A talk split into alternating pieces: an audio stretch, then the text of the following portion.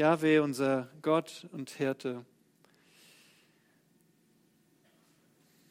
Vater im Himmel,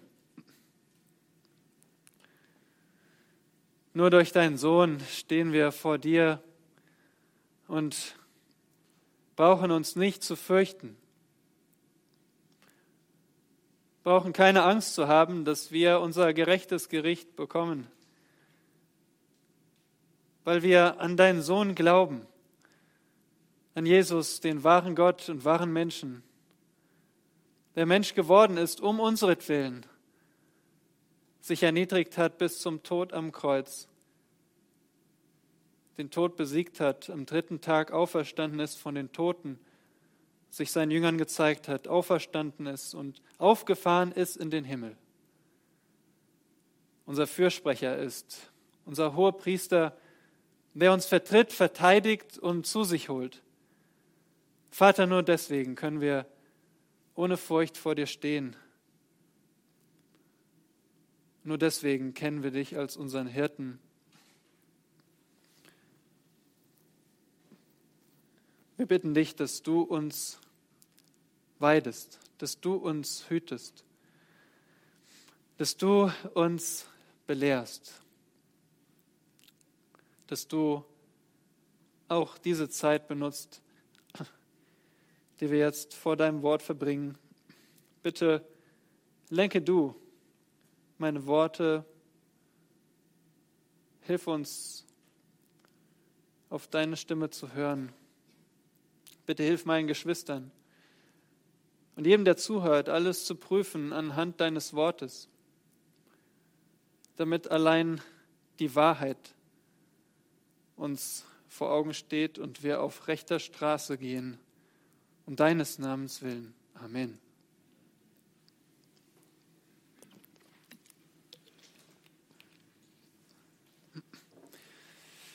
Was für ein vollkommener Hirte.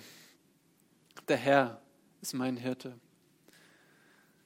Nun, da ist es ja so eine hohe Verantwortung, wenn wir als Älteste sagen, wir sind Hirten in der Gemeinde. Was für eine Verantwortung, was für ein unerreichbares Vorbild wir in dem Herrn Jesus haben. Und bevor wir also zu der Auslegung dieses Psalms kommen, möchten wir als, und ich spreche stellvertretend für uns Älteste, möchten wir noch etwas zu unserem Hirtendienst sagen. Unser Hirtendienst, den wir in dieser Gemeinde von dem Herrn geschenkt bekommen haben als ein Privileg. Schlagt einmal dazu bitte Philippa Kapitel 1 auf.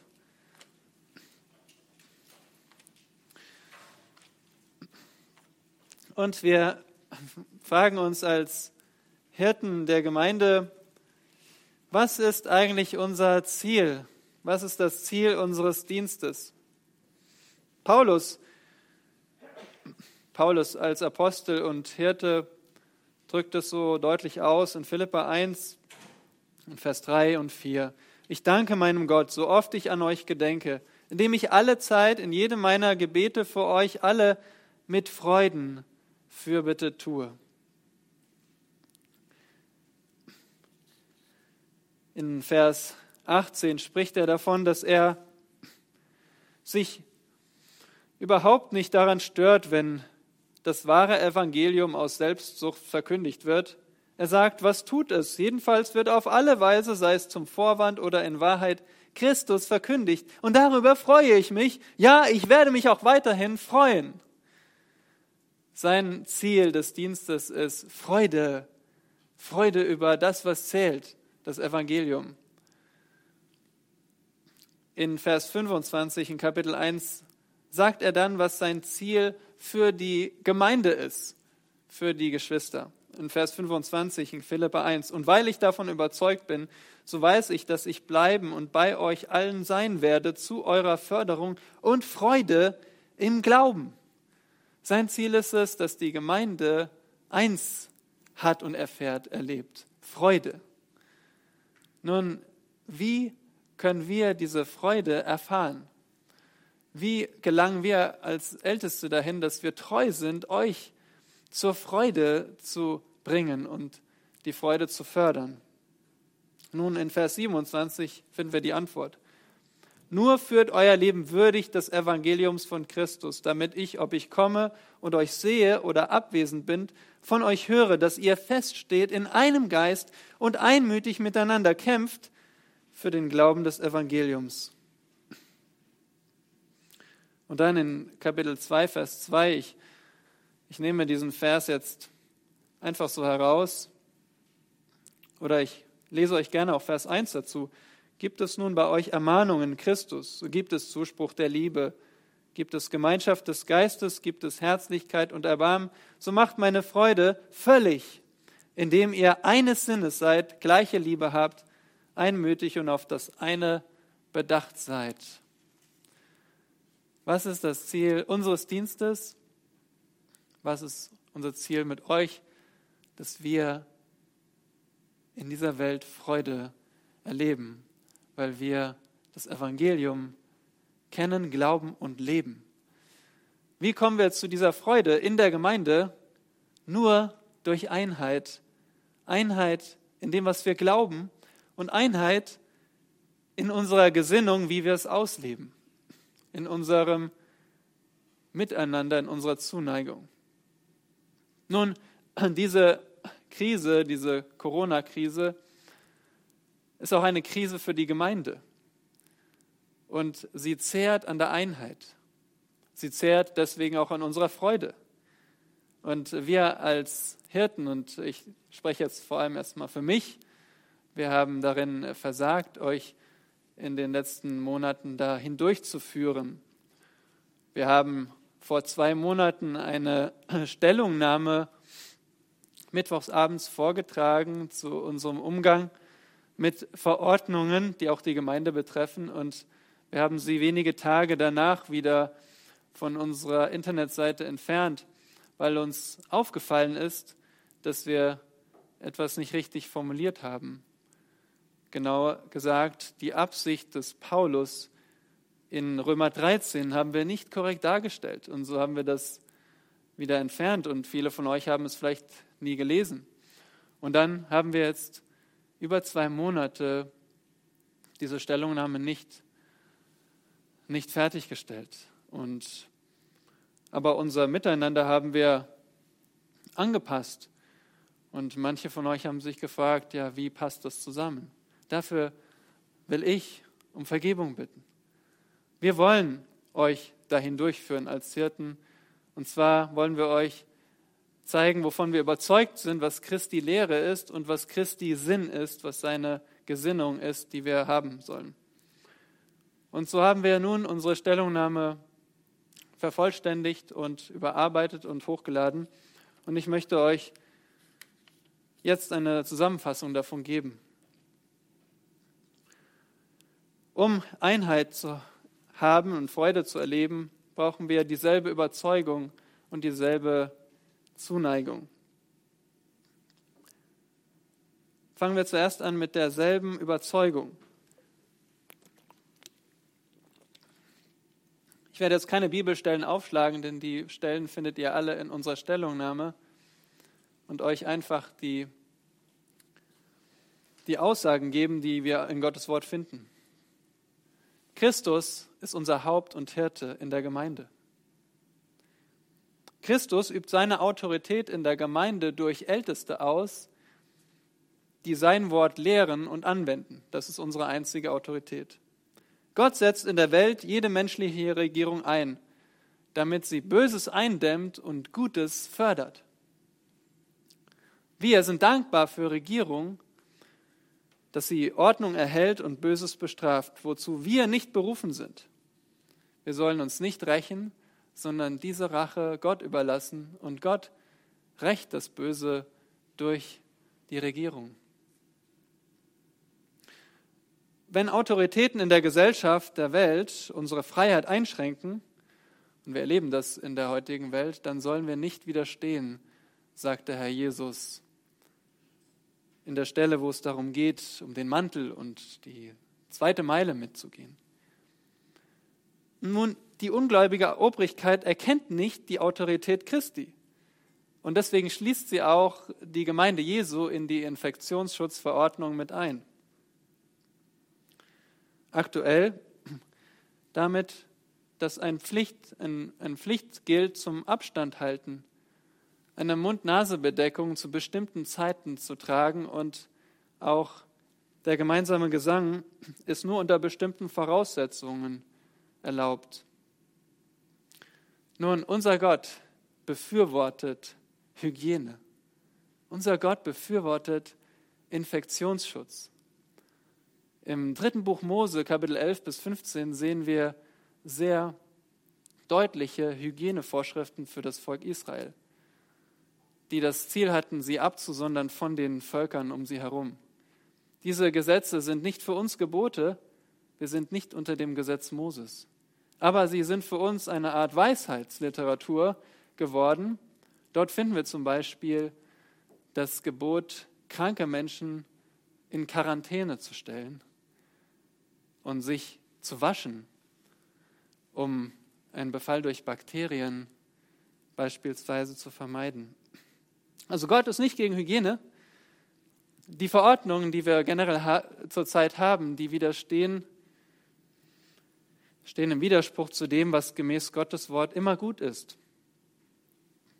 Nämlich, es ist immer gut, gemeinsam zu singen, wie es zum Beispiel in Epheser 5, Vers 19 heißt. Epheser 5, Vers 19, ich erinnere euch, wie es da heißt. Redet zueinander mit Psalmen und Lobgesängen und geistlichen Liedern, singt und spielt dem Herrn in eurem Herzen Bitte vergebt mir, wo ich das in den vergangenen Wochen falsch erklärt habe. Das Wort für singen bedeutet singen mit der Stimme. Und wir können dieses Gebot nur ausführen, indem wir mit unseren Stimmen singen, wenngleich unser Gesang aus unserem Herzen kommen soll. Außerdem ist es immer gut, enge Gemeinschaft als Christen auszudrücken. Es ist auch immer gut, einander zu ermahnen, trösten, ermutigen und dabei auch unsere Mimik zur Kommunikation zu gebrauchen. Wenn die Obrigkeit uns jedoch gebietet zu sündigen oder uns verbietet, das Gute zu tun, dann müssen wir Gott mehr gehorchen als den Menschen. Deswegen verbieten wir als Älteste euch nicht, enge Gemeinschaft zu haben oder gemeinsam zu singen. Und wir verbieten euch auch nicht, eure Mund-Nase-Bedeckung abzunehmen. Das ist die eine Seite, das, was Christus lehrt. Nun, zur Einheit gehört aber nicht nur, dass wir dieselben Überzeugungen haben, sondern auch, wie wir sie umsetzen, nämlich in dem Sinn Christi. Wie es in Philippa 2 heißt, und dort steht in Vers 3, tut nichts aus Selbstsucht oder nichtigem Ehrgeiz, sondern in Demut achte einer den anderen höher als sich selbst. Jeder schaue nicht auf das Seine, sondern jeder auf das des anderen. Denn ihr sollt so gesinnt sein, wie es Christus Jesus auch war. Christus Jesus, der Gott selbst ist, Mensch wurde um unseretwillen, um unseres Heils willen. Der arm wurde, damit wir reich werden. Er ist bis zum tiefsten Punkt gegangen und hat sich erniedrigt zum, bis zum Tod. Aber nicht nur irgendein Tod, sondern der Tod am Kreuz, in dem er als Verfluchter dastand und von Gott und seinem Zorn getroffen wurde. Und dann hat Gott ihn erhöht, weil er gehorsam war bis zum Tod am Kreuz, hat Gott ihn über die Maßen erhöht. Er hat ihm einen Namen verliehen, der über allen Namen ist. Der Herr Jesus steht über allem, die im Himmel und auf Erden und unter der Erde sind.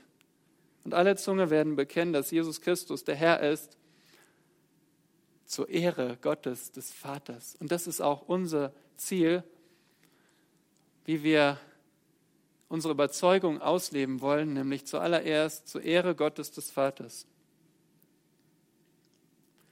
Weil Christus all das getan hat zur Ehre des Vaters, wollen wir uns zuerst auf die Ehre des Vaters ausrichten, indem wir uns real versammeln, weil es Gott ehrt, indem wir gemeinsam singen, weil es Gott den Vater ehrt. Christus liebt seine Nachfolger bis ans Ende. Und deswegen will er auch, dass wir vor allem an unserer Liebe untereinander erkannt werden. Ihr Lieben, wie wir miteinander umgehen in dieser Krise soll von unserer Liebe durchtränkt sein. Die Liebe soll sichtbar sein in unserem Umgang. Nun, wie sieht das konkret aus? Christus hat es gezeigt, indem er in demütiger Gesinnung unser Wohl höher achtete als sein eigenes Wohl. Und deswegen wollen wir auch das Wohl des anderen, das Wohl meiner Schwester, meines Bruders höher achten als mein Wohl. Wir wollen zum Wohl des anderen Infektionen eindämmen. Wie tun wir das? Indem wir allgemeine Hygiene beachten. Dort draußen ist das Blatt mit den allgemeinen Hygieneregeln, wie wir uns die Hände waschen, wie wir richtig niesen und solche Dinge. Wir wollen desinfizieren, wir wollen lüften, die Lüftung läuft und wir wollen bei Krankheit zu Hause bleiben, um nicht andere anzustecken. Das ist die Weise, wie wir Infektionen eindämmen. Und das wollen wir aus Liebe zueinander machen. Und an dieser Stelle möchte ich jedem herzlich danken, der sich dafür einsetzt in diesen Diensten.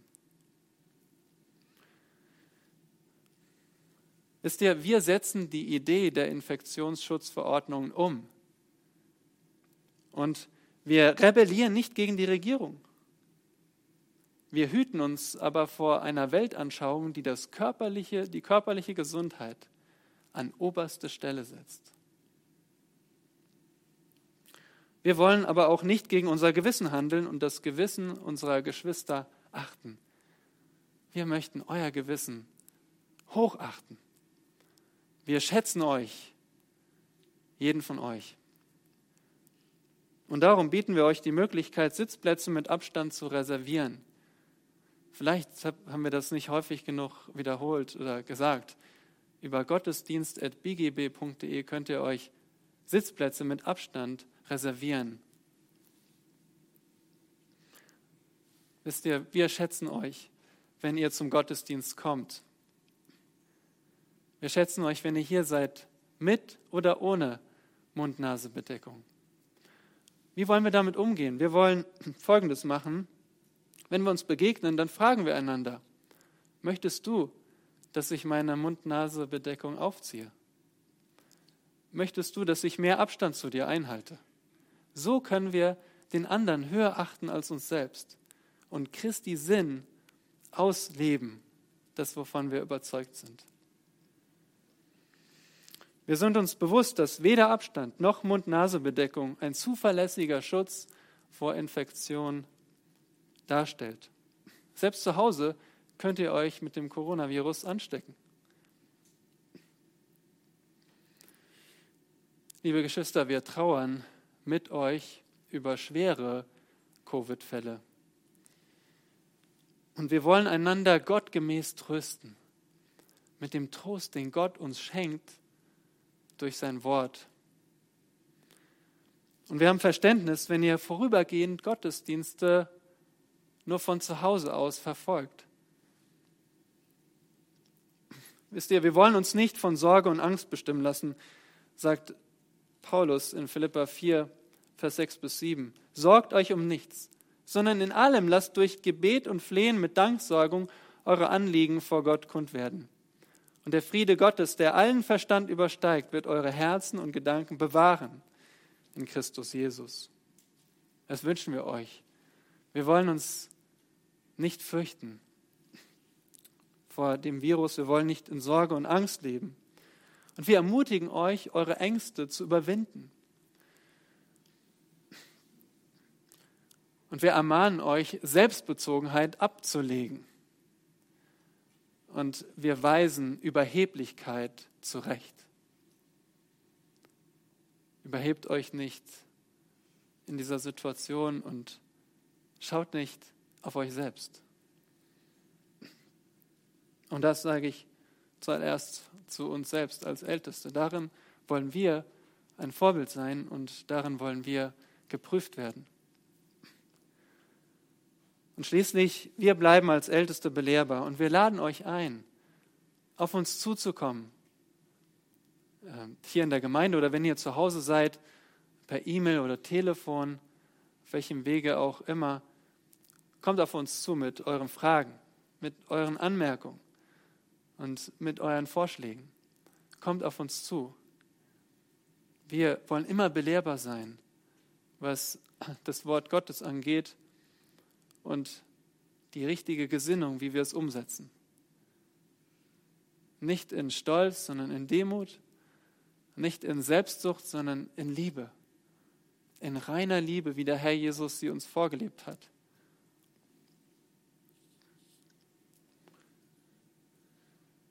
Das ist unser, unser schwacher Versuch, den Hirtendienst nach Gottes Willen auszuleben in dieser Zeit. Möge der Herr dazu Gnade schenken. Nun wollen wir auf den vollkommenen Hirten schauen. Nun wollen wir Psalm 23 genießen.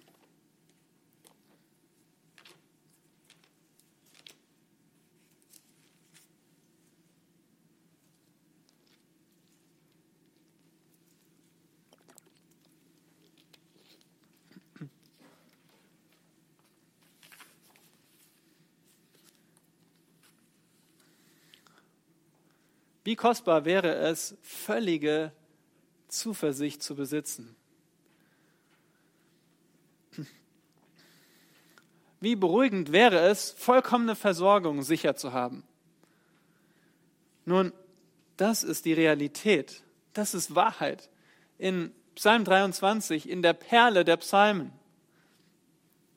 Und hier das ist so überwältigend. Hier bekennt David sein allerruhigstes Vertrauen auf Gott.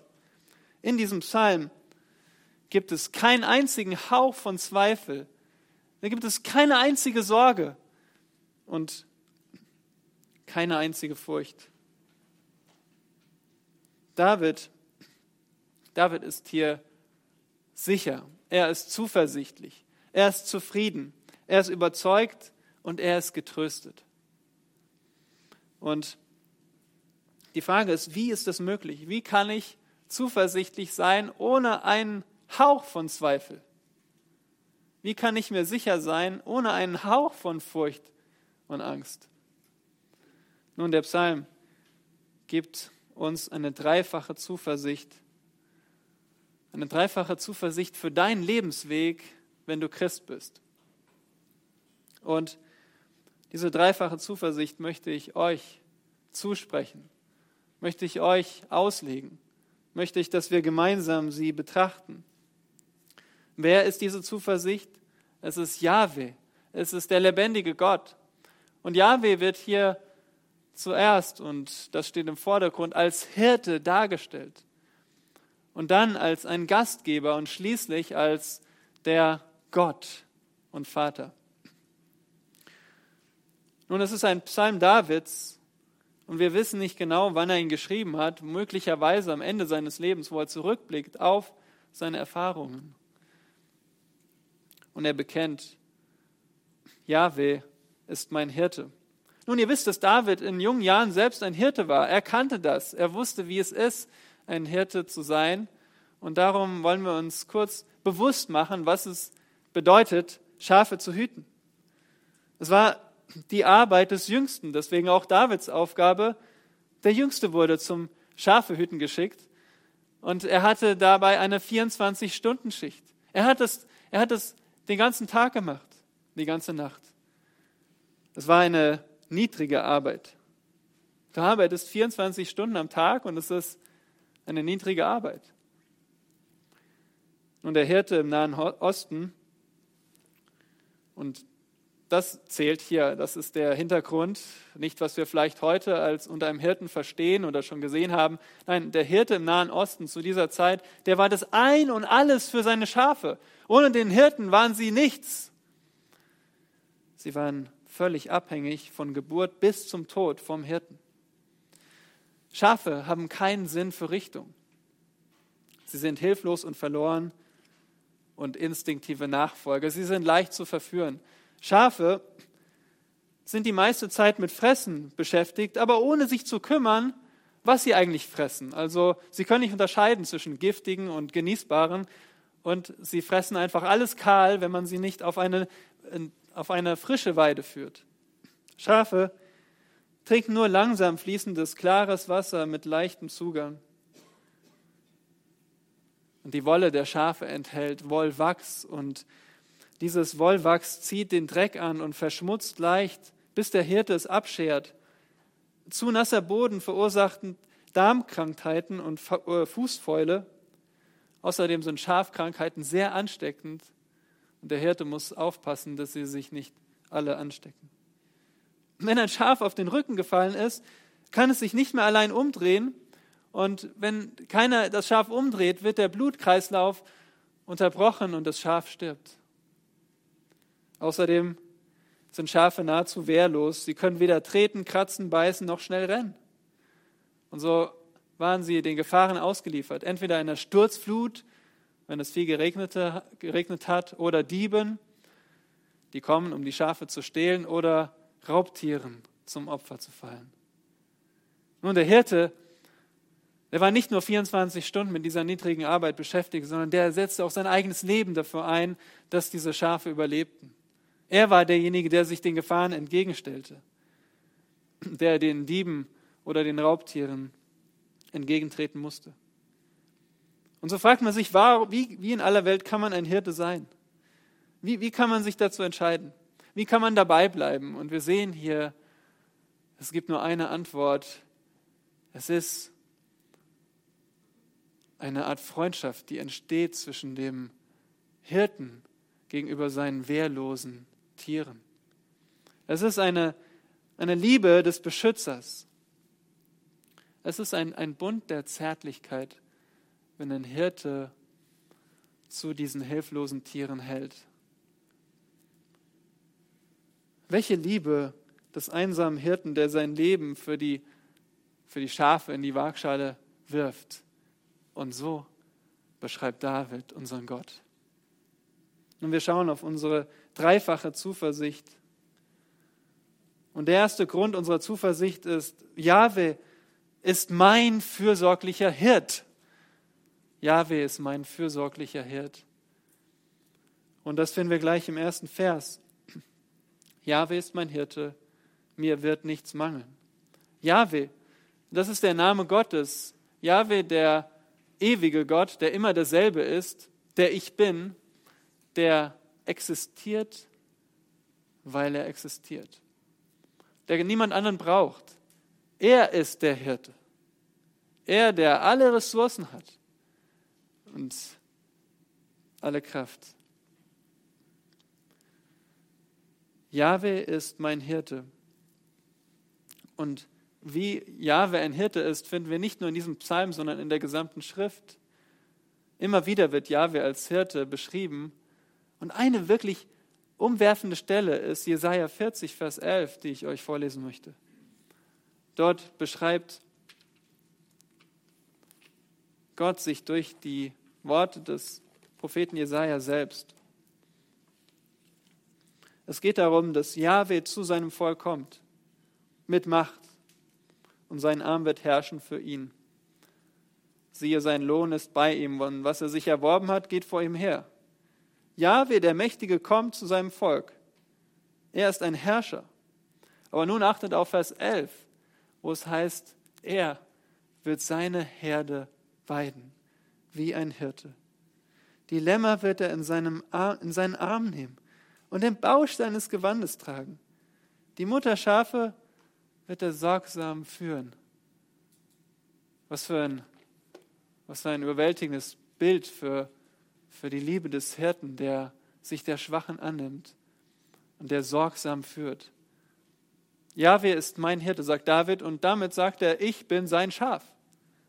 Ich bin sein Schaf. Und wenn du sagst, Jahwe ist mein Hirte, dann sagst du, ich bin sein Schaf. Ich bin von Geburt bis zum Tod und darüber hinaus von Gott abhängig und niemand sonst. Ich bin hilflos. Ich bin orientierungslos. Ich bin Gefahren schutzlos ausgeliefert. Ich brauche, ich brauche Jahwe und sonst nichts. Nun, die Folgerung daraus, dass Jahwe dein Hirte ist und dass Jahwe mein Hirte ist, ist, mir wird nichts mangeln. Und diese Ausdrucksweise im Hebräischen enthält keine Zeit, sondern wir könnten sie auch so ausdrücken. Mir mangelte nichts, mir mangelt nichts und mir wird und kann nichts mangeln. Zu jeder Zeit mangelt mir nichts. Und in diesem Psalm wird jetzt ausgeführt, wie das aussieht. Wie, wie sieht es aus, wenn mir nichts mangelt? Die Verse 2 bis 4 erklären das oder sie beschreiben das, sie, sie malen das uns vor Augen. Er führt mich, er weidet mich auf grünen Auen, heißt es da.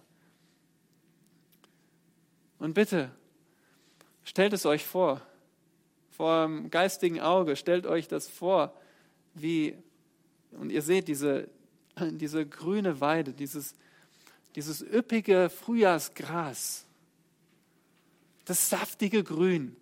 Genau dahin führt der Hirte sie.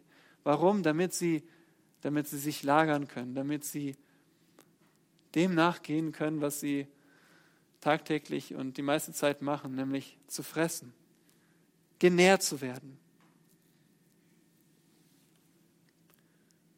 Seht ihr, wie Jahwe ist? Er ist der vollkommene Hirte. Er ist geduldig mit den Schafen, bis sie, bis sie zu dem Ort kommen, bis sie sich lagern, bis sie sich niederlegen. Denn Schafe legen sich nur nieder, wenn sie ohne Furcht sind, wenn sie nicht von Parasiten geplagt sind und wenn sie sich absolut entspannen können. Unser Hirte ist geduldig. Nun, diese Verse 2 bis 4, die seht ihr das hier wird beschrieben, wie Jahwe unser Hirte ist, dass er uns weidet, dass er uns führt, dass er uns erquickt und führt.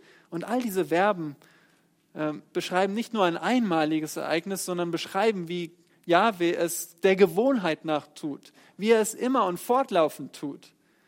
So behandelt mich Jahwe, so behandelt der Herr uns tagtäglich und zu jeder Zeit.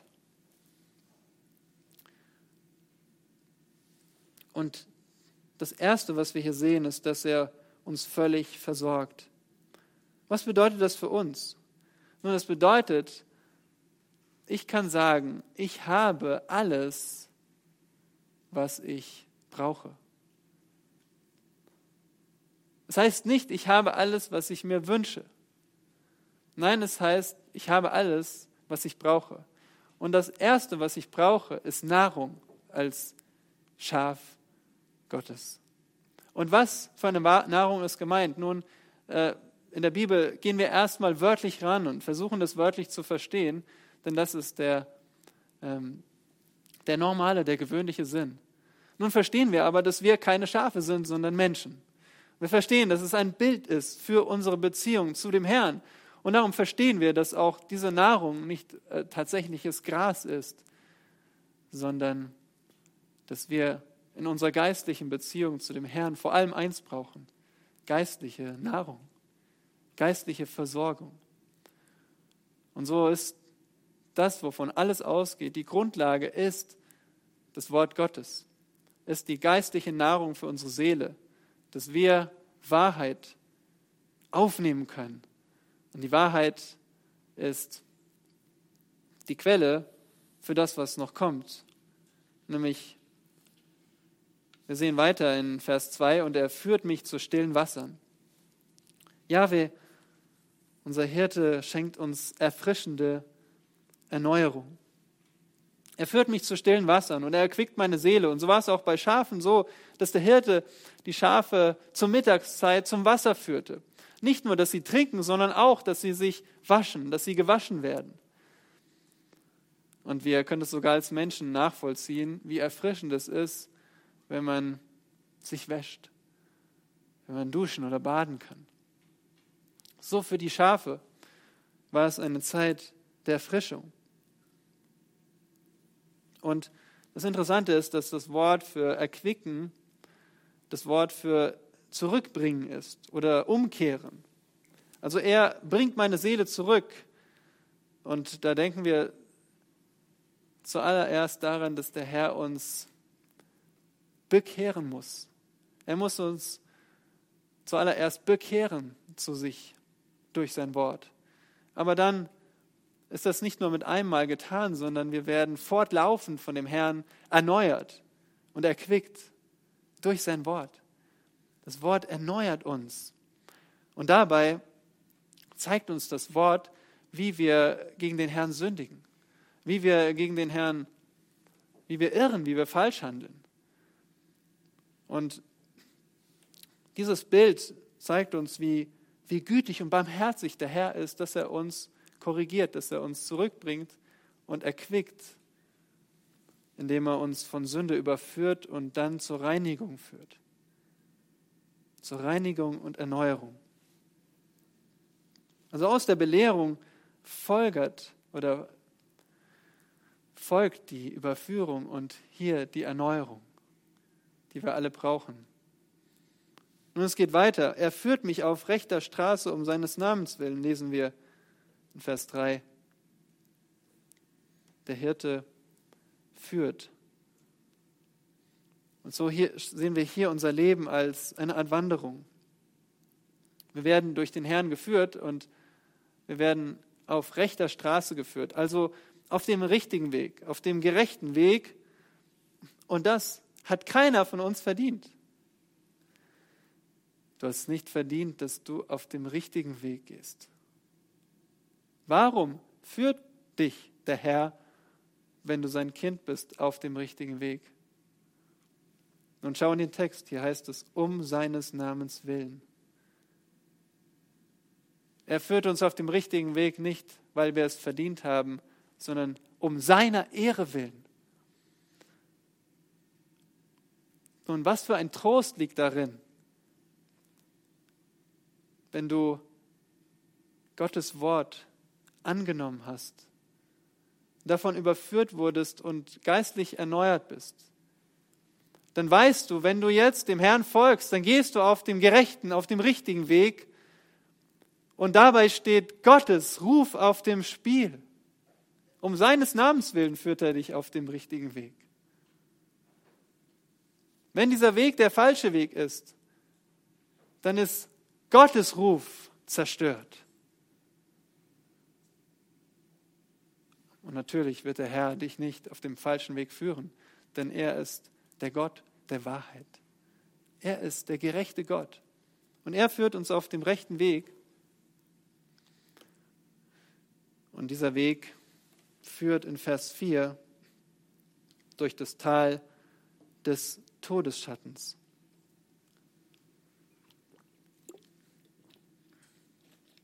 Nun, wie führt der Herr uns in unserem Leben?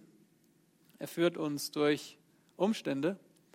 Er führt uns aber auch durch Belehrung, durch, durch Lehrer des Wortes Gottes und durch weise Ratgeber.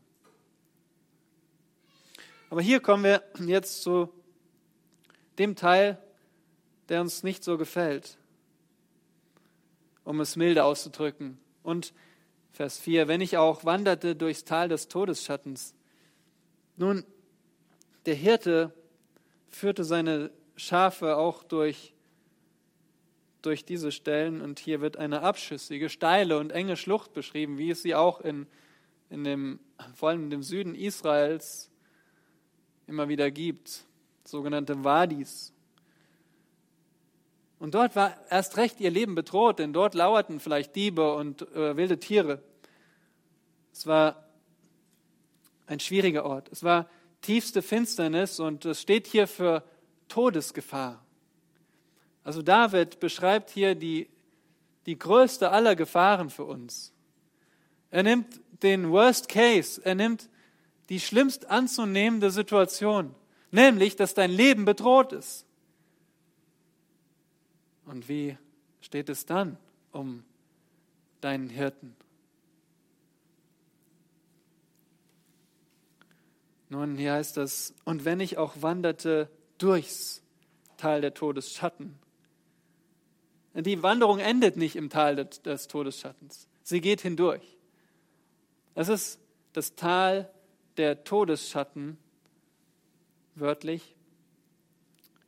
Und Spurgeon sagte einmal dazu, Zitat, der Schatten eines Hundes kann nicht beißen. Der Schatten eines Schwertes kann nicht töten und der Schatten des Todes kann uns nicht vernichten. Es sind nur Todesschatten. Spurgeon sagt weiter, die schlimmsten Übel des Lebens existieren nur in unseren Vorstellungen. Hätten wir nur wirkliche Sorgen, so hätten wir nicht den zehnten Teil unserer gegenwärtigen Sorgen. Wir fühlen tausend Tode, wenn wir einen fürchten. Aber der Psalmist wurde von der Krankheit des Fürchtens geheilt. Wie, wie kannst du, wie kann ich von dieser Furcht geheilt werden? Vor, der, vor dieser größten Furcht des Todes und allen anderen Ängsten dazu. Nun, die Antwort findet ihr in eurem Text. Hier steht es. Denn ich fürchte kein Unglück, denn du bist bei mir. Du bist da. Mein Hirte ist da. Er ist bei mir. Seine Gegenwart macht den Unterschied. Er ist das Licht in der Finsternis des Tals des Todesschattens. Dasselbe Wort für Todesschatten wird auch verwendet in Jesaja 9, Vers 1, ein Vers, den wir auch zu Weihnachten gerne lesen. Jesaja 9, Vers 1, dasselbe Wort für Todesschatten sehen wir in 9, Vers 1. Das Volk, das in der Finsternis wandelt, hat ein großes Licht gesehen über den Bewohnern des Landes. Der Todesschatten ist ein Licht aufgeleuchtet. Und dieses Licht ist niemand anders als der Messias, unser Herr Jesus Christus. Er ist das Licht, das uns erleuchtet im Tal der Todesschatten denn du bist bei mir. Dein Stecken und dein Stab, die trösten mich. Wisst ihr, ein, ein Hirte hatte zweierlei Stöcke bei sich. Einmal diesen Stecken. Und dieser Stecken war so eine 60 Zentimeter lange Keule, also in etwa, ich habe es nicht nachgemessen. Also eine etwas kürzere Keule, mit der der Hirte zum Beispiel Raubtiere ver, ver, ähm, ja, die Raubtiere vertrieben hat. Es war sein Verteidigungs, seine Verteidigungswaffe. Und dann hat er noch diesen Stab. Sein Stab war dieser Krummstab, also ein Stab mit, mit einem Bogen drin, mit dem er zum Beispiel Schafe aus den Dornen zog, die sich da die festhingen. Oder indem er Schafe aus dem Loch zog. Oder sie auf schmalen Wegen führte. Ein, ein Stab der, der Korrektur, der Führung. Und so wird David getröstet durch beide Werkzeuge des Hirten. Durch seine Verteidigung vor Gefahren, aber auch durch seine Fürsorge für die Schafe. Das ist wahrer Trost, sagt er. Und so haben wir begonnen mit der Belehrung, der geistlichen Nahrung, die der Herr uns gibt. Er überführt uns und durch diese Überführung kommt Erneuerung, Erquickung, Erfrischung. Und wenn wir zurechtgebracht sind, wenn wir erneuert sind, geistlich gesehen, dann sind wir bereit, auf, rechten, auf dem rechten Weg zu gehen. Und wenn wir auf dem rechten Weg gehen, dann bleiben Gefahren nicht aus dann gehen wir, werden wir entweder bewahrt vor Leid oder wir gehen hindurch. Und in beiden Fällen ist der Herr unser Trost. Der Herr ist der einzige Trost. Selbst in der größten Not, in der Todesgefahr. Das ist Jahwe, mein fürsorglicher Hirt. Kommen wir zu Vers 5. Jahwe und das ist die zweite Zuversicht. Jahwe ist mein freigebiger Wirt.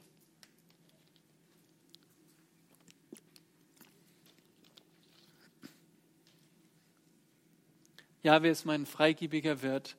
Und hier in Vers 5 heißt es, du bereitest vor mir einen Tisch im Angesicht meiner Feinde.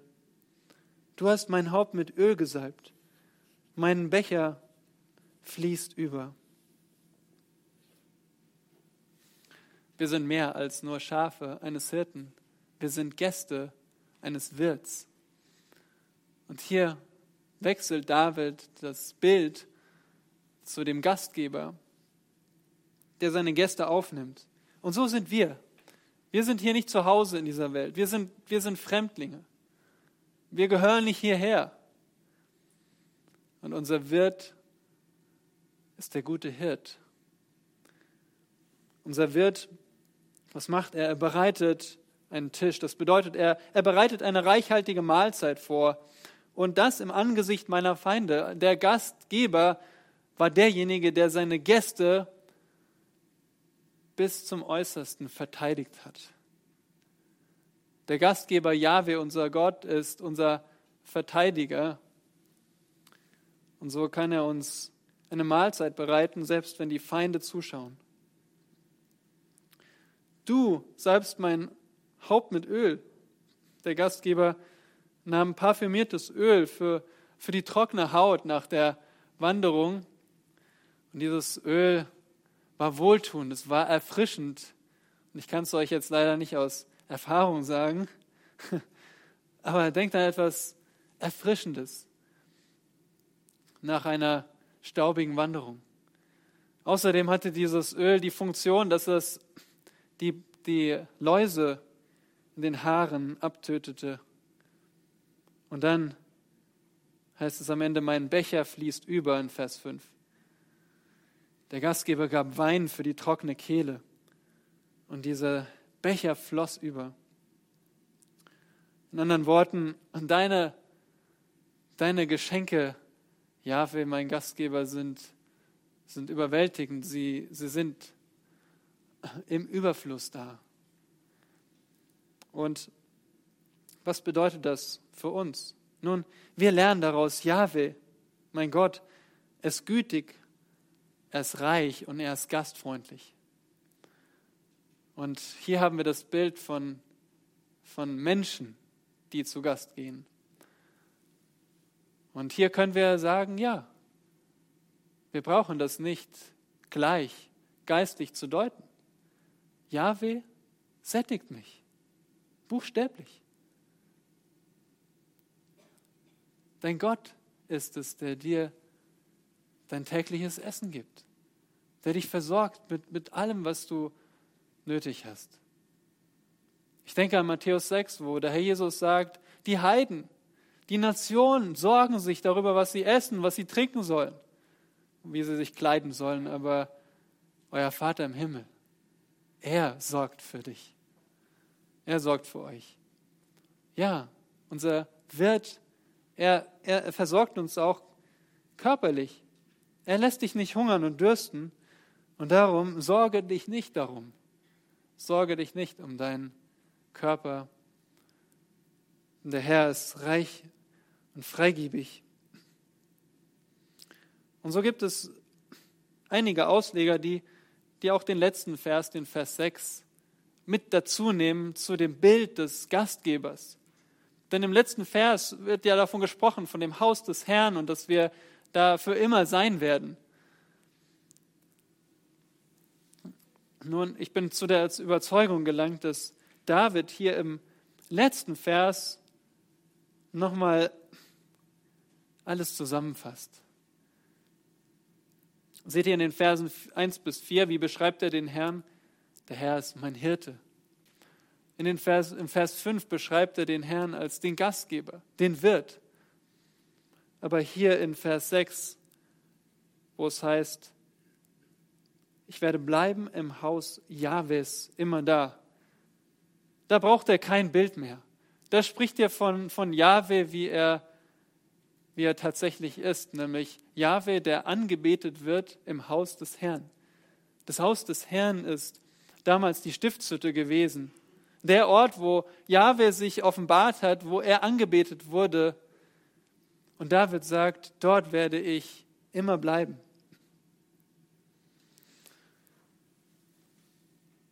Aber hier, das müsst ihr, das müsst ihr sehen. Am Anfang des Verses heißt es doch, nur Güte und Gnade werden mir folgen. Und diese beiden Worte allein sind schon so reichhaltig. Die Güte Gottes, dass er uns wohltut, dass er das Gute gibt, ist schon wunderbar genug. Aber seine Gnade bedeutet wörtlich diese, dieses Wort für die standhafte Liebe Gottes, für seine treue Liebe, sich an seine Verheißungen zu halten. Also Gottes Treue zu seinen Verheißungen, seine unverdiente Liebe, die er mir schenkt und die er immer weiter führt, weil er sich, weil er es versprochen hat. Diese Güte und Liebe werden mich verfolgen, heißt es wörtlich. Das Wort bedeutet ein aggressives Verfolgen. David sagt, die laufen mir hinterher. Ich kann gar nicht davor fliehen.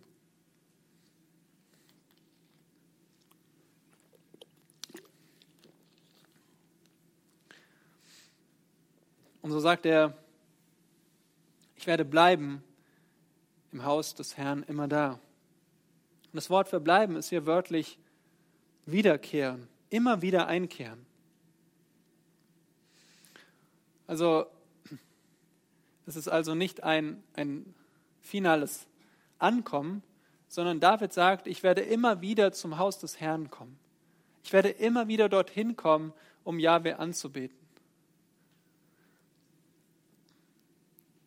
Alle Tage meines Lebens, sagt er, werde ich diesen Ort suchen, um Gott anzubeten und um mit ihm Gemeinschaft zu haben. Da wird, werde ich über ihn belehrt. Da werde ich immer wieder zur Buße gebracht. Da werde ich erneuert. Da werde ich geführt, beschützt, beschenkt. An diesem Ort, wo Yahweh wohnt. Und deswegen habe ich die letzte Zuversicht so ausgedrückt. Yahweh ist Vater ich bin sein Kind. Und das findet ihr wortwörtlich nicht in diesem Text. Aber aus meiner Sicht übersteigt es noch diese ersten beiden Bilder. Äh, wir sind nicht nur Schafe eines Hirten, wir sind nicht nur Gäste, denn Gäste bleiben nicht für immer. Nein, aber was was erlaubt es für David, immer wieder zu Jahwe zu kommen? Was erlaubt es uns, zu Gott und in seine Gemeinschaft zu kommen? Mit welchem Recht sagen wir, wir haben Gemeinschaft mit dem lebendigen Gott? Wenn nicht, dass Gott, Jahwe, uns als seine Kinder angenommen hat. Angenommen für immer. Uns adoptiert hat. Weil Jesus unser Erlöser unser Weg zum Vater ist, unser Fürsprecher und unser Versöhner mit dem Vater. Und so erinnere dich, du bist ein Kind Gottes, wenn du wiedergeboren bist, dann bist du ein Kind, nicht nur ein Gast. Und seine Verheißungen gelten für dich. Seine Verheißungen, an die sich Gott geknüpft hat mit seiner standhaften Liebe. Und so denk darüber nach. Denk mal darüber nach, wie, wie Yahweh dir wohltut und wie er dich standhaft liebt in deinem Leben.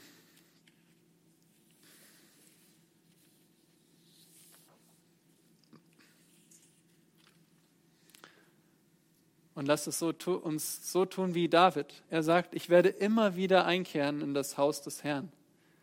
Wir haben keinen Tempel, der Tempel ist die Gemeinde des Herrn.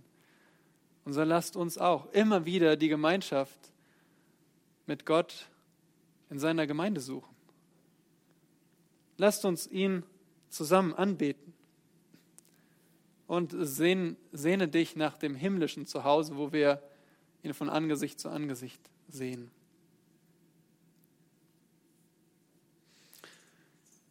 Das ist Psalm 23. Jahwe ist mein Hirte.